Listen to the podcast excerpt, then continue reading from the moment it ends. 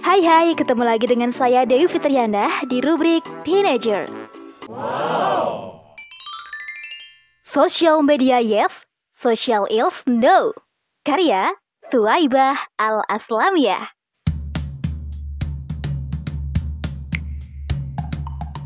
Assalamualaikum Sob, apa kabarnya nih? Pasti tambah sibuk kan ya? Pasca lebaran, aktivitas sudah beranjak normal lagi nih. Yakin deh, selain aktif di media sosial nih, sobat juga sudah rajin nyemplung di dunia nyata kan? Kemajuan teknologi ditambah lamanya pandemi berhasil membuat masyarakat intim banget deh dengan dunia medsos.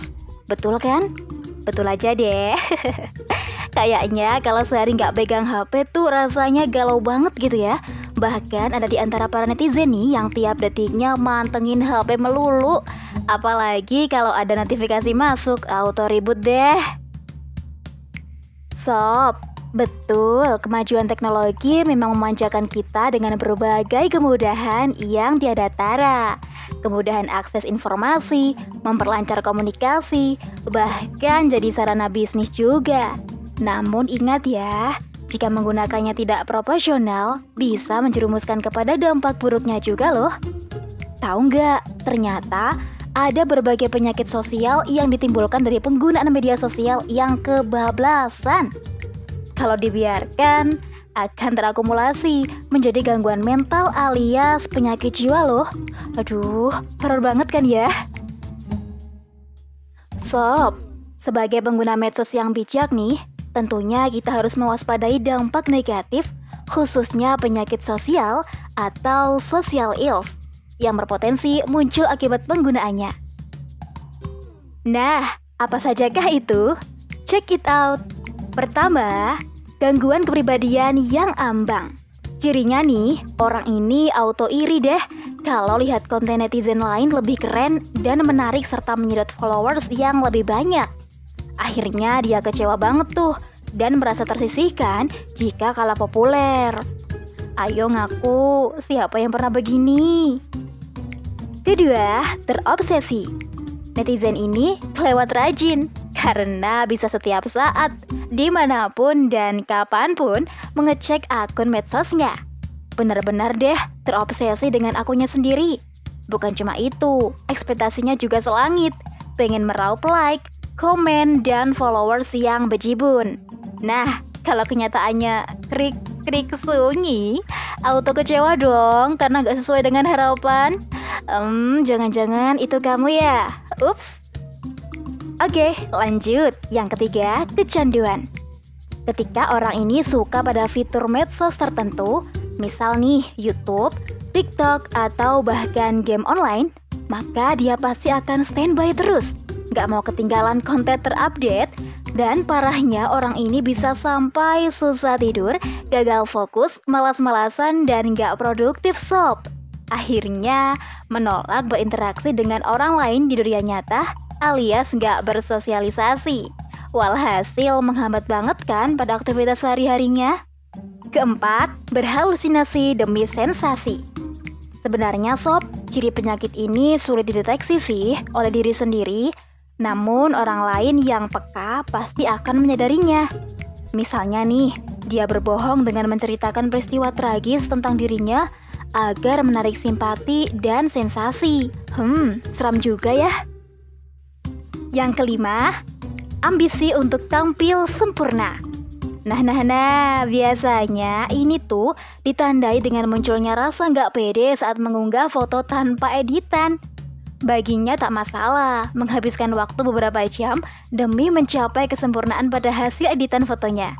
Kamu begitu nggak? Yang keenam, kondisi yang bertolak belakang antara dunia nyata dengan dunia maya. Misal nih, komen yang dilancarkan di medsos terlalu kasar, nyinyir, dan pedas. Sedangkan di dunia nyata, sebenarnya dia itu seorang yang pendiam, jarang berkomentar, bisa juga sebaliknya. Aneh juga kan ya? Oke, yang ketujuh, kecemasan berlebihan. Nah sob, kecemasan ini biasanya sih muncul ketika koneksi internetnya terganggu atau terputus. auto marah-marah dong, bahkan bisa sampai nangis sesenggukan gegara hal sepele itu. Ih, rempong banget orang ini kan? Oke, yang kedelapan, mengagumi diri sendiri. Ya, karena merasa diri paling kece badai, sayang banget dong kalau nggak dipamerin ke netizen di medsos. Walhasil berandanya pun penuh dengan foto dan caption tentang dirinya. Widih, narsis banget kan ya? Yang kesembilan, penguntit. Orang ini kepo banget sob, sampai-sampai punya kebiasaan intip akun orang lain terus-menerus. Bahkan ujungnya sampai menjelek-jelekan orang di kolom komentarnya. Kurang kerjaan banget kan? Semoga ini bukan kamu ya sob. Oke, yang terakhir nih. Terobsesi ingin eksis dan diakui orang lain. Parahnya, bisa sampai nekat bikin konten yang membahayakan nyawa sendiri loh. Memang dikira si itu punya nyawa sembilan. Tapi kok serem ya? Kalau nggak diikuti maunya, orang ini bakal lost control, bisa frustasi gitu, bahkan depresi. Hmm, naudzubillah min dalik. Eh sob, tahu nggak kalau penyakit sosial paparan medsos itu nggak muncul tiba-tiba loh? Bukan juga penyakit yang sifatnya kasuistik, karena udah mewabah juga sob.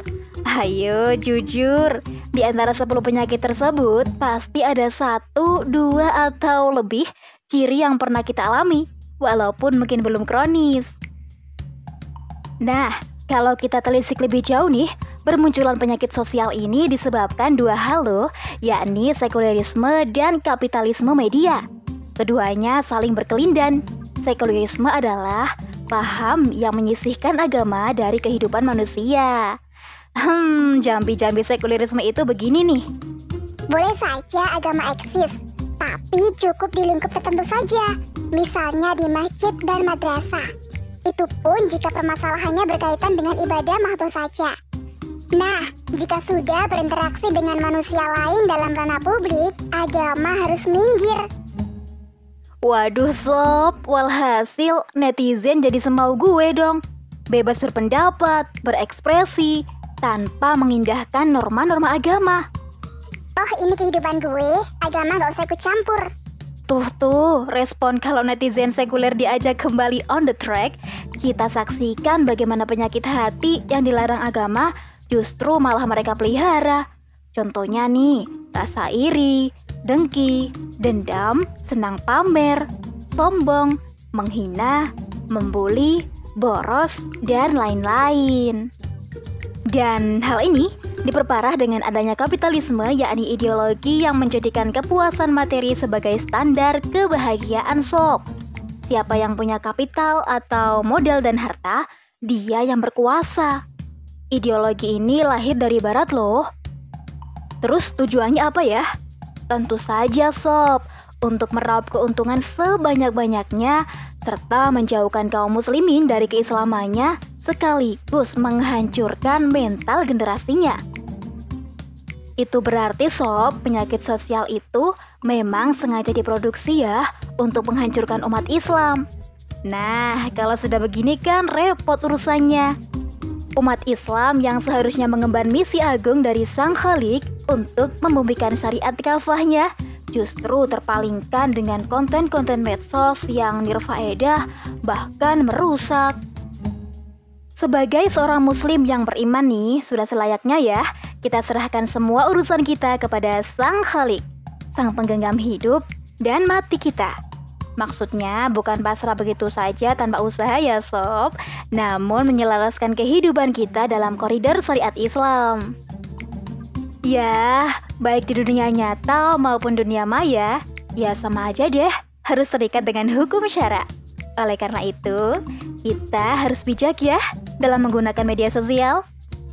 Boleh saja kok kita memanfaatkan berbagai fitur media sosial seperti Facebook, YouTube, TikTok, Twitter, dan lain sebagainya. Tapi harus proporsional dan ada tujuannya ya sob, bukan hanya sekedar iseng-iseng aja. Nah, bagaimana dong caranya? Nih, aku bocorin ya. Pertama, gunakan media secara profesional. Batasi waktu, jangan sampai tenggelam di dunia maya. namun ghosting di dunia nyata. Yang kedua, pastikan kita menggunakan media sosial dengan tujuan tertentu. Misalnya nih, untuk mencari suatu informasi, berkomunikasi, atau berdakwah. Yang ketiga, deteksi sedini mungkin akan paparan media sosial berupa penyakit hati dalam diri kita. Jika muncul, segera deh recovery. Gejala gangguan jiwa jangan disepelekan, walaupun cuma sedikit sob. Sebab jika dihimpun akan menjadi penyakit kejiwaan yang kronis loh. Dan yang keempat, pandai-pandai memfilter konten media sosial ya. Jika bermanfaat, sikat deh. Jika nirfaedah, lempar jauh-jauh ke tempat sampah. Namun, untuk mengetahui benar salah, berfaedah atau nirfaedah, itu nggak bisa simsalabim loh. Perlu usaha dan proses tentunya. Kuncinya ilmu.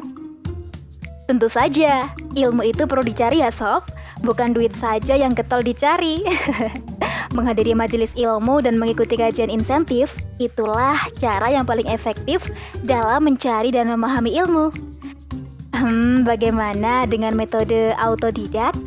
Untuk sebagian ilmu bisa saja ditempuh dengan cara autodidak. Namun, untuk memahami ilmu agama sangat tidak direkomendasikan ya jika pakai cara itu sob. Sebab khawatir ada pemahaman yang keliru dan mispersepsi jika dicerna sendiri. Talaki, ya talaki, dengan membentuk halako-halako atau majelis yang melingkar merupakan metode pembelajaran yang paling jitu dalam memahami ilmu agama. Bahkan ini dicontohkan loh oleh Rasulullah, para sahabat dan salafus sahih.